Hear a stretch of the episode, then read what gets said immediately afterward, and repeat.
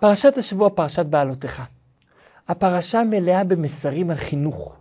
ולפני שנתחיל ללמוד את הפרשה עצמה ואת ההפטרה המרתקת כל כך, בואו נתעכב על מסרים בחינוך שיוצאים מתחילת הפרשה. הפרשה פותחת עם דיני הדלקת הנרות. מה הקשר לכאן?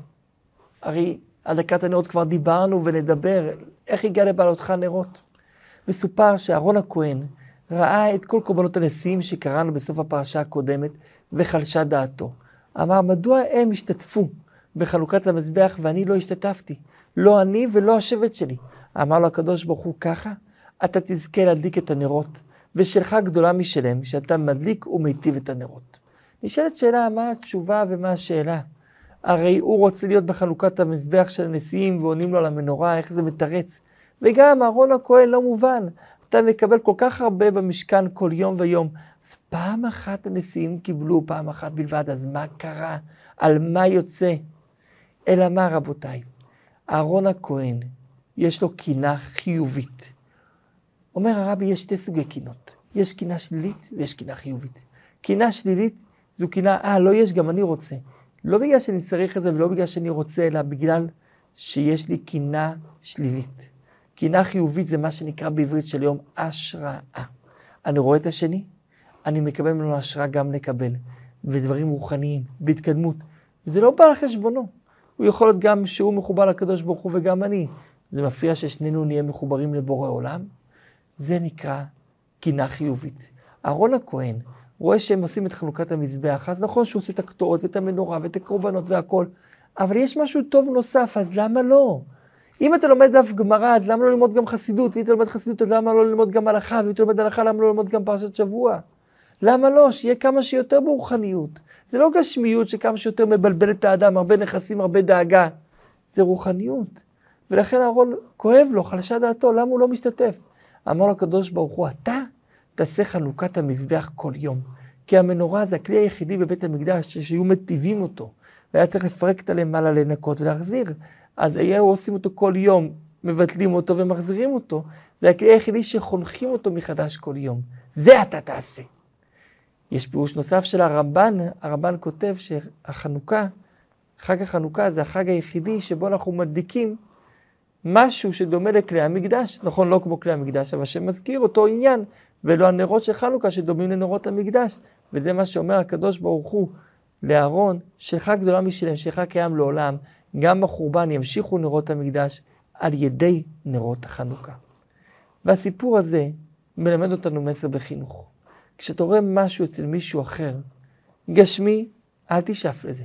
רוחני תשאף, תלמד ממנו השראה. מכל אחד אפשר ללמוד השראה. יש כאלה שמדברים חסרונות של כולם, אז מה יצא מהם? חיסרון אחד גדול, כי מכל אחד הם ילמדו חיסרון. יש כאלה שלומדים מעלה של כל אחד, ומה יצא מהם? יצא מהם משהו טוב. כי השראה אפשר וצריך לקבל ולקחת מכל אחד ואחד. זה מסר אחד שלומדים את זה מחינוך. מסר שני, מדובר פה על הדלקת הנרות. הדלקת הנרות, הדלקה כשרה בזר. גם מי שהוא לא כהן, מותר לו להדליק את הנרות. ולכן אל תחכה שיזמינו אותך להדליק נשמה של מישהו אחר. נר השם נשמת אדם, חינוך זה נשמה, זה נר. אל תחכה לקבל איזה הזמנה. תדליק, גם זר יכול. ועוד יותר, בעלותיך את הנרות. הדין אומר שמדליקים את המנורה, המנורה יוצאים ידי חובת הדלקה רק כשהמנורה דולקת מעצמה, לבד. אבל כל מה שצריך לסייע אותה בהדלקה, להכניס לה כל מה להדליק אותה, לא יוצאים ידי חובה.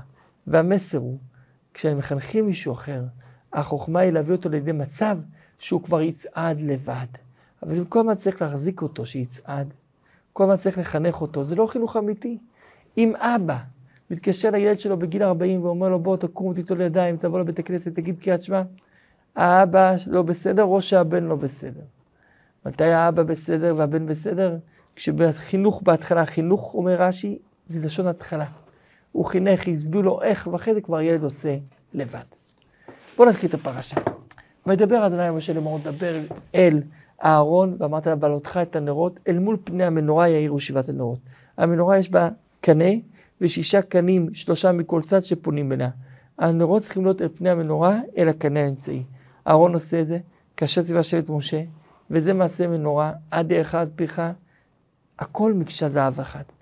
משה לקח גוש זהב גדול, הטיח בו בפטיש, עד שיצאה מנורה לדעה אחת. דעה שנייה שמשה חן התקשה איך עושים את הכל בצורה כזאת מדויקת והכל מקשה אחת.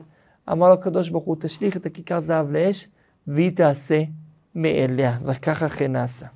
לאחר מכן אומר הקדוש ברוך הוא, קח את הלוויים, תקריב עליהם, תתאר אותם, תביא עליהם מי חטאת, לתאר אותם מטומאת מת, תגלח את כל בשרה, את כל השערות מהבשר, ויקחו את הבגדים ויטבלו אותו במקווה. עכשיו זה השלב השני של הלוויים. השלב הראשון למדנו בעבר בפרשת במדבר, שהלוויים והבכורות מתחלפים ביניהם. ועכשיו השלב השני, שלוויים נכנסים לקדושה, אהרון מניף כל אחד, עם ישראל סומך את ידיהם על הלוויים, כי הלוויים הם הקורבן של עם ישראל, ואז מקדשים את הלוויים, מתארים אותם והופכים אותם להיות משרתי השם במקום הבכורות. ממשיכה התורה ואומרת שהלוויים יעשו את עבודתם וישמרו, אכן לא יהיה מגפה. וללא זה חלילה תהיה מגפה. וזה אשר הלוויים. מאיזה גיל עד איזה גיל עובדים? בכל עבודות הלוויים עובדים מגיל צעיר עד גיל מבוגר, לא מפסיקים. בעבודות מסע מתחילים בגיל הצעיר, בגיל 25, 5 שנים לימוד סטאז', עד גיל 30, 30 מתחילה העבודה, ואז עד גיל 50, לא יותר. מגיעים לגיל 50 יותר לא סוחבים ולא עובדים במסע העבודה במחנות, אלא רק בשאר העבודות כמו עבודת השירה, ועבודת לוויית הכהנים וכן הלאה. וכאן התורה חוזרת אחורה. למה התורה חוזרת אחורה? למה היא לא יכולה ללמד את זה כסדר? אלא מה עכשיו אנחנו הולכים ללמוד על קורבן פסח שנעשו במדבר? במשך כל השנים נעשה רק קורבן פסח אחד במדבר, לא יותר. ועל זה, זה הגנות של עם ישראל. למה לא עשו כי יהיו ביניהם הדור הצעיר שיהיו ערלים, לא מה, נו, יכלו למול אותם. אבל בגלל שיהיו במדבר לא רצו למול אותם, ולכן זה היה גנאי, כי לא סמכו לקדוש ברוך הוא. ואף על פי שפסח מותר בטומאה, והיה מותר להם פסח, אבל הם לא דרשו את פסח. ועל זה זה גנאי שלא דרשו את פסח. למה משה לא דרש? כי משה היה דורש היה עוד יותר גנאי, שהעם לא דואג, רק המנהיג דואג. זה צריך לבוא מלמטה, מהעם. ואכן מסופר פה איך שעם ישראל עושה את הפסח בשנה הראשונה אחרי שיצאו ממצרים, בדיוק שנה אחרי, ועשו את הפסח במועדו. מועדו זה אומר שבועיים אחרי הקמת המשכן, עשינו את הפסח. למה כתוב במועדו? בא ללמד אותנו שזה דוחה את השבת, ודוחה אפילו את הטומאה. אם רוב עם ישראל טמא, אפשר לעשות פסח בטומאה. לכן עקרונית היום, מצד העניין, מותר הלכתית לעשות פסח בהר הבית, רק שהר הבית לא בידינו. בשנים שאחרי מלחמת ששת הימים, שהר הבית היה בשליטה שלנו, הרבי מלובביץ' היה מורה לצאת מירושלים בימים של פסח ופסח שני, כדי לא להיכנס לחיוב הקרבת קורבן הפסח. היום אין צורך, כי כבר הר הבית לא בידינו. אפשר, אנחנו לא יכולים לעשות שם מה שאנחנו רוצים, ולכן לא שייך לעשות קורבן פסח. בני ישראל לכן עושים את קורבן הפסח במועדו, ביום י"ד בניסן, עושים אותו ככל הלכותיו, ואז מגיעים אנשים שלא היו בקורבן פסח. מי אלו? יש דעה שאומרת שהם אלה שסחבו את הארון של יוסף הצדיק. יש דעה שאומרת שהם היו מישל ולצפן, שהוציאו את נדב ואביהו מתוך קודש הקודשים לקבור אותם. והם עכשיו יהיו טמאים, והם עושים עכשיו אפר פרה אדומה, הם יהיו טהורים רק בט"ו בלילה. בי"ד בניסן הם עדיין טמאים, הם לא יכולים לעשות קורבן פסח. הם מגיעים למשה ואומרים למשה, למה ניגרע? למה אנחנו מפסידים את קורבן פסח? רגע, רגע, רגע, זה לא מובן. אתם לא יכולים לנקוד על כל החתונות. זכיתם במצווה גדולה מאוד לקבור שני צדיקים. אי אפשר גם וגם. כן אפשר גם וגם. הקדוש ברוך הוא יכול, אני, מותר לי לבקש, מותר לי להתפלל מהקדוש ברוך הוא לשפע, שפע רוחני, שפע גשמי, וזה מה שהם עושים, הם מבקשים מהקדוש ברוך הוא נכון. זכינו במצווה של לוויית המת, ואנחנו רוצים גם את המצווה הזאת. מותר לנו, אנחנו רוצים. אומר משה רבינו, תן לבדוק עם הקדוש ברוך הוא. הקדוש ברוך הוא מראש תכנן את פסח שני, אבל בזכות זה שהם ביקשו, זכו שזה ייקרא על שמם, והקדוש ברוך הוא אכן מביא את מצוות פסח שני. שפסח שני מלמד אותנו, שאם אדם לא יעשה פסח ראשון והיה בדרך רחוקה, אין דבר אבוד. יש לו מועד ב', לא תשלומין, מועד ב' זה שמיים וארץ. תשלומין זה אומר, היה פסח, תשלים. מועד ב' זה אומר, שוב יש פסח ליום אחד, שבו עושים קורבן פסח, אוכלים אותו על מצות ומרור כמו בליל הסדר, לאידך מותר לעשות מלאכה ומותר גם לאכול חמץ. פסח לצד חמץ, זה פסח שני, פסח וחמץ עמו בבית. היום זה מלמד אותנו, פסח שני, דבר ראשון, אין דבר אבוד. אף פעם לא להתייאש. דבר שני, אם הם על קורבן אחד שפספסו, ככה ביקשו השם נתן להם, אנחנו כמה קורבנות פסח פספסנו, כמה קורבנות בכלל מפספסים. על אחת כמה וכמה שאנחנו צריכים לדרוש מהקדוש ברוך הוא להביא לנו אה, ולבקש את הגאולה האמיתית והשלמה בקרוב ממש. לאחר מכן אומרת התורה את הדינים של פסח, והתורה אומרת של פסח שני, וגם גר שלא היו אבותיו במצרים, יכול להגיד, טוב, אני פטור מקורבן פסח, כי מסופר יציאת מצרים. גם הוא צריך, כי זה כבר נהפך להיות לא רק חג פרטי של מי שיצא ממצרים, אלא חג לאומי של כללות האומה. לאחר מכן התורה מספרת איך עבדו המחנות. כשהקדוש ברוך הוא הקים את המשכן, אז בערב היה המשכן לאוהל העדות, ובבוקר היה ענן, בערב היה אש. וכך היה תמיד בערב אש, בבוקר ענן, ולפי הענן נסעו, לפי הענן חנו, הענן לא הוביל אותם. כשהיה צריך לעצור, הענן היה נהפך להיות בצורה של סכך, כמו משוחח עליהם, זה הסימן לעצור, ואז משה רבינו היה אומר, שובה השם רבבות אלפי ישראל, והיו תוקעים בחצוצרות. תקיעה אחת ארוכה בשתי החצוצרות, זה היה סימן לעצור, עכשיו לבנות את הכל, עוצרים. וכשהיו צריכים לנסוע, הענן היה נעמד כמו עמוד, כמו קורת עץ. משה היה אומר לנסוע, ואז הענן היה מתחיל לנסוע. אחרי שמשה היה אומר, ויהי בנסוע הארון ויאמר משה, קומה השם ויפוץ אויביך. רק אז הענן היה מתחיל לנסוע. ואז היו תוקעים בחצוצרות, תקיעה, תרועה, תקיעה, טו, טו, טו, טו, טו, טו, טו, טו, טו, טו, טו, טו, טו, ושוב, טו, זה הסימן לצאת לדרך, למסע. ואז התורה אומרת, יש פעמים שהענן היה הרבה שנים לא זז, יש פעמים שיום אחד זז, לא היה בזה כללים. זה יכול להיות יום אחד של חניה, וזה יכול להיות גם כן הרבה שנים של חניה. על פי השם יחנו, ועל פי השם יישאו, את משמרת השם שמרו, על פי השם ביד משה. ממשיכה התורה ואומרת, וידבר אדוני אל משה לאמור, עשה לך משלך, אתה תשלם על זה. שמעתי מאחד הכלכלנים אצלנו בקהילה משהו מאוד יפה. הוא אומר, המדינה יכולה להפריט את הכל, אבל יש דברים שהמדינה לא תפריט אותם. היא צריכה לשמור את זה אישית להם. אחד מהדברים, מה זה? זה נתב"ג לדוגמה. אותו דבר גם כן חצוצרה. חצוצרה זה היה הסמל, הסימן לקירה של העם. זה אומר הקדוש ברוך הוא למשה, זה נשאר באחריות שלך, אתה לא מעביר את זה הלאה. זה שלך, משלך, אתה אחראי לכנס את העם. עשה לך שתי חצוצרות כסף, מקשה, תעשה אותן מכסף, למה לא מזהב? כדי לא להזכיר את התרועה, כל העם ברעו של חטא העגל, שהעגל היה מזהב. לכן, כדי להזכיר זכויות על עם ישראל, ולא להפך, לעשות את זה עם חצוצרות כסף. תעשה אותה מקשה, עם החצוצרות האלה אתה קורא לעדה ואתה יוצא למסע, והכלל הוא כזה. אם זה יציאה, פיזור, זה תרועה, טו טו טו טו טו טו טו, שזה פיזור. אם זה כינוס, אסיפה, זה קול פשוט אחד.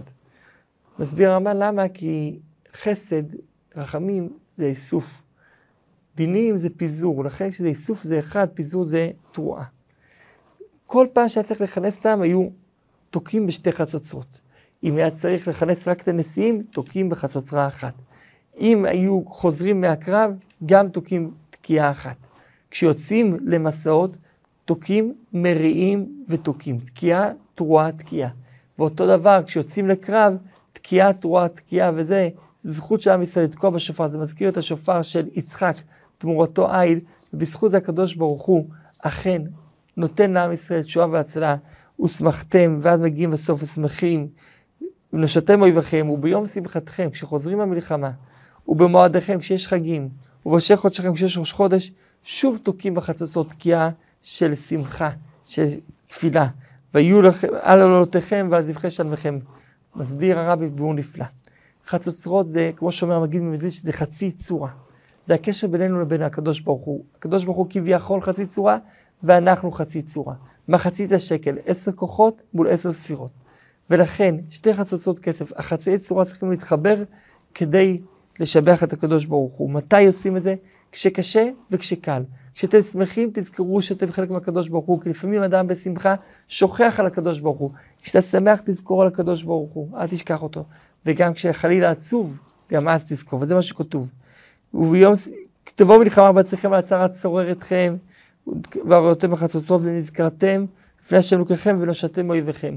וגם ביום שמחתכם, גם בעת השמחה לא לשכוח הקדוש ברוך הוא, ובחגים וכן הלאה לא לשכוח הקדוש ברוך הוא. על עולותיכם ועל זבחיכם ועל זבחי שלמיכם ויהיו לכם זיכרון. אני השם לוקחכם.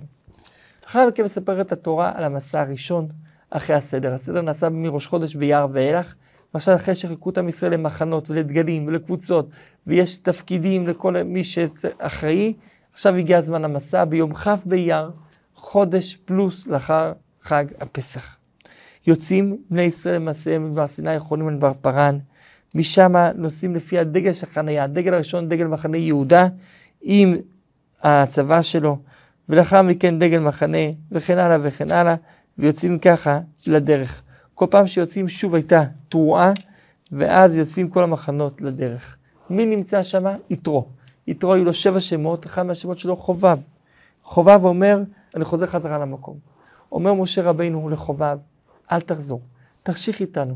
נתת לנו עצה טובה איך למנות את הדיינים. כולך טוב, והשם דיבר טוב אל ישראל, בוא איתנו, יש ארץ מצוינת, חבל שתחזור. אומר לו, לא, אני חייב לחזור למולדת שלי. אומר לו, אל תעזוב אותנו, אתה גם עוזר לנו בעצות טובות במדבר. זה אומר, טוב, אני אלך להביא את משפחתי. וכשהקדוש ברוך הוא אומר, כשהקדוש ברוך הוא נוסע, ויהי בסוהרון ויאמר משה, קומה השם ויפוצו אויביך, וינוסו משנאיך מפניך, ובנוחו יאמר, שובה השם רבבות אלפי ישראל. מעניין, בספר התורה לפני הקטע הזה יש נון הפוכה, שזה מחלק את לחומש בפני עצמו ולעוד חומש. יוצא שלפי הסדר הזה יש שבעה חומשים. עד בעלותך, הקטע הזה, ואחרי הקטע הזה עד הסוף. כי זה הקטע נחשב לחומש שלם בפני עצמו. וזה הפסוק שאנחנו אומרים היום, עד היום בהוצאת ספר תורה, ויהי בנשוא אהרון ויום משה. קומה השם ויפוצו אביך וינוסו משנאיך מפניך, ובנוחו יאמר, כשזה חוזר, שובה השם רבבות אלפי ישראל. התורה בכוונה רוצה להבליע עוד גנאי, את הגנאי הבא. העם היה מתלונן בפני הקדוש ברוך הוא. מתלונן על זה שהולכים די לנוח מהר מהר. הקדוש ברוך הוא שומע, מביא אש בקצה המחנה. יש דעה שאומרת הפחותים ויש דעה שאומרת המצוינים שבהם נלקחו. הם באים למשה ומתפללים למשה, אומרים למשה, hey, צועקים, תעזור לנו. משה מתפלל אל השם, הקדוש ברוך הוא עוצר את האש, ואז השם, משה קורא למקום הזה תבערה, כי שם הייתה בעירה בעם. לאחר מכן שוב היה ניסיון, שוב הניסיון מגיע והפעם רוצים בשר. נמאס לנו מהמן, אנחנו זכרנו את כל הירקות הטובים והפירות של מצרים, אנחנו רוצים בשר. אין לנו כוח כבר למן הזה. האמת היא שהמן היה מצוין, כל אחד טעם באותם הכי טוב שהוא רצה. זה היה טעים מאוד וכל אחד טועם באותם הכי טוב, אבל הם רצו משהו אחר. הם רצו בשר. אומר משה לקדוש ברוך הוא, מה אני אעשה עכשיו? אני רואה את כולם בורחים למשפחות, מה אני אעשה עכשיו? למה שלחת לי כזה תפקיד קשה, העם הקשה הזה? למה הריאות העם הזה? למה זה שלחתני? מה, אני הריתי את העם הזה, זה העם, הילד שלי, לקחת אותו בהיריון, מה אני צריך אליו? אתה אומר לי, שאו וחיקך, כאשר יישא אומן את היונק על האדמה שנשבע לאבותיו, מאיפה נביא להם עכשיו בשר? לא אוכל לבדי לשאת את העם הזה, אני לא יכול, זהו, גדול עליי, לא יכול לבד. אם יצאתי חן בעיניך, תהרוג אותי, אומר משה רבנו, ואני לא אראה ברעתי, כי אני כבר לא מסוגל. אומר הקדוש ברוך הוא, בוא נענה על אחרון ראשון ועל הראשון אחרון. דבר ראשון אמרת שאתה לא מסוגל לבד, תאסוף 70 איש מזקני ישראל. מכל שבט שישה זה יוצא 72, אז תעשה הגרלה והשתיים המיותרים, שים בצד. ואז תיקח מהם והם יעזרו לך. ולעם תגיד להם יהיה בשר ויהיה שפע של בשר, עד שחודש שלהם יאכלו בשר, עד שימאס להם לאכול בשר, ואז בסופו של דבר הם רק ייפגעו מזה. ואז אומר משה להשם ריבונו שלם, אני יכול להביא להם בשר? מאיפה אני יכול להביא להם בשר לכמות כזו גדולה? אומר הקדוש ברוך הוא למשה, משה, היד השם תקצר ואתה לא מאמין בכוחו של הקדוש ברוך הוא. אם הקדוש ברוך הוא ירצה, עכשיו זה יקרה. משה אכן יוצא ואוסף את העם, אוסף בהם 70 איש, מי היו 70 איש? היו שוטרים, שהם ספגו מכות מהמצרים, העיקר לא להכות את עם ישראל. אלא היו 70, והקדוש ברוך הוא שם להם רוח הקודש, מציל מהרוח הקודש. האמת היא שהיה צריך להיות 62, אבל שתיים יצאו בהגרלה החוצה. אלדד ומידד מרוב ענווה היו בטוחים שהם אלו השניים שלא בפנים, אז הם לא הגיעו. והיה 70 איש בלעדיהם. ככה הם חשבו, אבל האמת היא הייתה שלא, שהם יהיו חלק מהשבעים, ולכן הם כתבו נבואה בתוך האוהל. מגיע גרשון ומספר למשה ואומר, אלדד ומידד, שיש דעה שהם יהיו אחים חלקיים של משה, הם מתנבאים במחנה. אומר יהושע בן נון, משרת משה, שים אותם בכלא, תלהם. יש דעה שאומרת, תטיל עליהם משימות ציבוריות וכבר יקלו לבד, מאליהם. אומר משה, מה אתה מקנא לי? הלוואי וכולם יהיו נביאים. מה רע? שכולם יהיו נביאים בעזרת השם. ואכן הסלב מגיע, הסלב זה מין עוף מאוד טוב בשרני, מגיע, והסלב מגיע בכמויות, והעם לוקח ואוסף את הסלב, ומזה אוכלים את הסלב במשך תקופה, ואז הבשר עוד אין בין שיניהם, והקדוש ברוך הוא כעס על המשיכה הזאת לתאוות, והרבה מתו מהסיפור הזה, וקראו למקום הזה קברות התאווה, כי שם קברו את כל אלה שהיה להם תאווה. לאחר מכן מסופר בתורה על מרים הנביאה. מרים הנביאה שומעת שמשה רבינו אוסף עוד 70 זקנים ומרים הנביאה אומרת, אוי חבל. אני שמעתי ציפורה מדברת משהו קשה. ציפורה אמרה על אותם 70 זקנים נשותיהם, עכשיו הנביאים האלה יפרשו מהנשים שלהם. כמו שבמתן תורה פרשנו מאישה שלושה ימים כדי לקבל את התורה, אז ככה גם הם עכשיו יפרשו מהאישה. מרים שומעת את זה מציפורה ומדברת על זה עם אהרון. דיברה על זה, מה זה, למה משה פורש מאשתו? הוא לקח אישה יפת מראה, כושית גימטריה יפת מראה. למה הוא פורש מאשתו? אז מה, בגלל שהוא מדבר עם השם? מה, ואנחנו לא מדברים עם השם? גם אנחנו מדברים עם השם. אז למה הוא פורש ככה מאשתו? ומה האמת הייתה? האמת הייתה שהם היו מדברים פעם ב... לכן הם יכלו להיות במצב שטומאה כל הזמן, כשצריך מתארים. ואילו משה כל הזמן מדבר עם השם, פה אל פה דבר בו, במראה ולא בחידות, ותמונת השם יביט. ומדוע הוא חייב כל הזמן להיות טהור? ולכן הקדוש ברוך הוא שומע שמשה ואהרון, שאהרון ומרים מדברים ביניהם. למשה זה בכלל לא היה אכפת אם הוא השומע, כי משה היה כל כך עניו, ועל כל אדם של הפני אדמה. עניו זה לא שקרן. משה לא היה מדומיין, הוא ידע את המעלות שיש לו, אבל הוא אמר, כל המעלות שיש לי זה מתנה מהקדוש ברוך הוא. אם זה מתנה מהקדוש ברוך הוא, על מה לה להשתחצן, על מה לה להתגאה, אין כזה דבר להתגאה. כל מה שיש לנו זה מבורא עולם. ואכן משה רבנו בכלל לא עניין אותו שהם דיברו עליו. על הקדוש ברוך הוא כן שמר את כבודו של משה, והקדוש ברוך הוא אומר להם, בואו בבקשה, איך אתם לא מהירים לדבר בעבדים עם משה? כל כך מיוחד, היחידי שפה פה לדבר בו. אבל כדי להראות לכם את זה, בואו איתי לאוהל מועד, אומר למשה לצאת הצידה כדי לא לשמוע את שבחיו, ואז הקדוש ברוך הוא קורא להם. כשקדוש ברוך הוא קורא להם, משה יכל לגשת כי היה טהור, אבל הם מכיוון שהם היו עם אישה, הם לא יכלו לגשת, הם לא היו טהורים. כי לוקח זמן עד שנהיים טהורים, לוקח לפחות יממה, ובערב טהורים, אז הם לא יכלו לדבר, ואז בעצם הם הבינו מה הסיבה שמשה פרש מהאישה, כי הוא כל הזמן צריך להיות זמין לקדוש ברוך הוא. או הקדוש ברוך הוא יורד אליהם והקדוש ברוך הוא מדבר. איך אתם לא מפחדים לדבר על הצדיק המשה רבינו? פה פה לדבר בו ומראה ולא בחידות תמונת השם יביט. ומדוע לא יראתם לדבר בעבדי במשה? הקדוש ברוך הוא עוצר את השיחה איתם, עולה בכעס כביכול, ואז רואים שמרים מצורעת כשלג, שזה העונש על לשון הרע. אומר הרמב"ם, אף פי שלא היה פה לשון הרע, הם דיברו משהו אישי על, משה, על אח שלהם הקטן, זה גם לא היה מישהו זר. בכל זאת זה נקרא לשון הרע. עד כמה צריך להיזהר בלשון הרע, גם לא על בני המשפחה וגם לא משהו שהוא לא רע, אלא אישי, לשמור על הכבוד של כל אחד.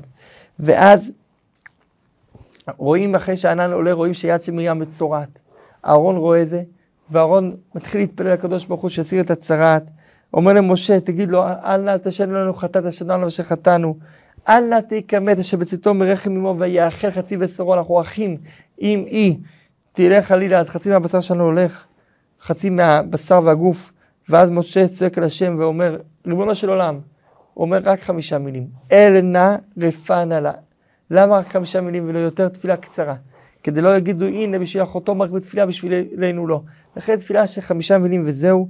ואומר השם למשה, הרי היא קיבלה את העונש שלה שבעת ימים היא תהיה מחוץ למחנה. בדרך כלל המצורעים היו נוסעים, לא היו מחכים להם. הפעם נחכה לה, למה? מידה כנגד מידה. היא חיכתה למשה רבנו שזרקו אותו ליאור, ובזכותו הגיע משה רבנו, לכן נחכה גם כן לה, עד אשר תיכנס חזרה למחנה בסיום השבעה ימים של צרת. ואכן מרים מחכה שם שבעה ימים, ולאחר מכן, אחר כך שהיא חוזרת למחנה, העם נוסע ונוסעים ממדבר פרן. ההפטרה שלנו אחת ההפטרות המיוחדות ביותר. רוני ושמחי בת ציון, הנביא זכריה אומר, תשמחי ירושלים, כי הנני בא, הקדוש ברוך הוא יורד אלייך בחזרה, וכולם ישמעו עליך, ויהיה לך שלווה ושקט, תסתחת עץ תאנה, יהיה רק טוב שיש. ואז זכריה רואה חיזיון. כדי להבין את החיזיון הזה, לחזור אחורה, תקופת חורבן בית המקדש, היו שני נביאי שקר שהסתובבו שמה, ליד נבוכדנצר.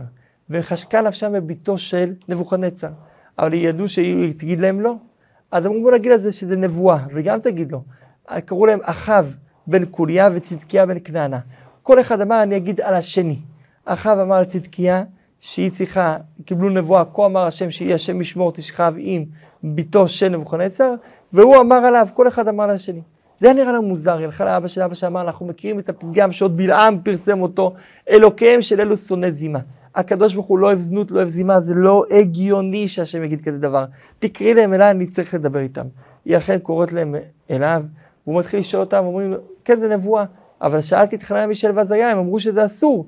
אמרו, טוב, הם אמרו שזה אסור, אנחנו בכירים מהם, אנחנו אומרים שזה מותר. אה, ככה? אפשר לבדוק אתכם כמו שחנניה, מישל ועזריה היו בכבשן האש ויצאו חיים. אפשר להשליך אתכם בכבשן האש? תשליך. אבל יש בעיה. אנחנו שניים, הם יהיו שלושה, אז אנחנו ניכשל. אוקיי, מי אתם רוצים את השלישי? את הכהן הגדול, יהושע. למה הם אמרו, הזכות שלו תגן בדם שהם לא יישרפו. ואכן יהושע הכהן גדול נכנס איתם ביחד, הם מתים ויהושע הכהן גדול, הבגדים שלו נחרכים. חריכת בגדים מהשרפה. וזה מה שכתוב בהפטרה שלנו, שלא זה אוד מוצל מאש. יהושע זה כמו ענף שיוצא מתוך האש. וזה הסיפור של יהושע הכהן גדול, והם, אחאב וצדקיה נשרפו ונהפכו להיות כמו כליה. לא רק הבגדים נשרפו, אז שואל אותו נבוכדנצר, אתה שאתה צדיק, אז למה הבגדים שלך קצת נשרפו? הוא אומר לו, זה בגלל שיהיו לידי רשעים. הסיבה האמיתית למה אומרת הגמרא, זה בגלל שיהיו לו ילדים שלא יהיו ראויים לכהונה, שיהיו לו ילדים שהתחתנו עם נשים שלא ראויות לכהונה, והוא לא מיכה בידם, אפילו שהיה בידו למחות, ועל כך הוא נענש. ואז אומר לו, מה אתה רואה? אומר שיהושע הכהן הגדול עומד עם הבגדים הצועים, ולידו השטן כל הזמן מדבר נגדו. וגוער השם והשטן אומר לו, די, אל תדבר עליו, הוא עוד מוצל מיש, הנה. עכשיו הבנים יעזבו את הגויות, והם יעזבו אותם, ובאותו רגע הכל יהיה נקי, הקדוש ברוך הוא ילביש אותו נקי, הקדוש ברוך הוא ימחל לו על הכל. ואכן כך עושים. ואז ממשיכה ההפטרה ואומרת חזיון שהוא ראה מנורת זהב כולה עם נרות שכל הזמן דולקים בה משמן, מספל שיוצא מעליהם, עם דרך צינורות, וכל הזמן זה דולק, המנורה הזאת. וזה המנורה הזאת שהוא רואה, אלא איזה חיזיון שהוא רואה על הגאולה העתידה, שאז יעשו את הדברים בלי קושי, כמו שפה המנורה דולקת בלי שיצטרכו להדליק אותה, אלא בלי קושי, המים זבים אליה לבד, מזינים אותה וגורמים לה להדלקה, אותו דבר יהיה כשיבוא המשיח. יהיה בעזרת השם בלי שום קושי, וגם מלחמת גג ומגוג, שזה נראה כמו הר גדול, זה יראה כמו מישור לפני מלך המשיח, הכל ייפול. ובעזרת השם, יהי רצון שנזכה לזה במהרה בימינו, ואז ייבנה בית המקדש השלישי, וכולם יגידו תשועות חן חן לה, תשועות חן, מחיאות כפיים מה שנקרא, על בניית בית המקדש השלישי, רצון שייבנה במהרה בימינו, אמן.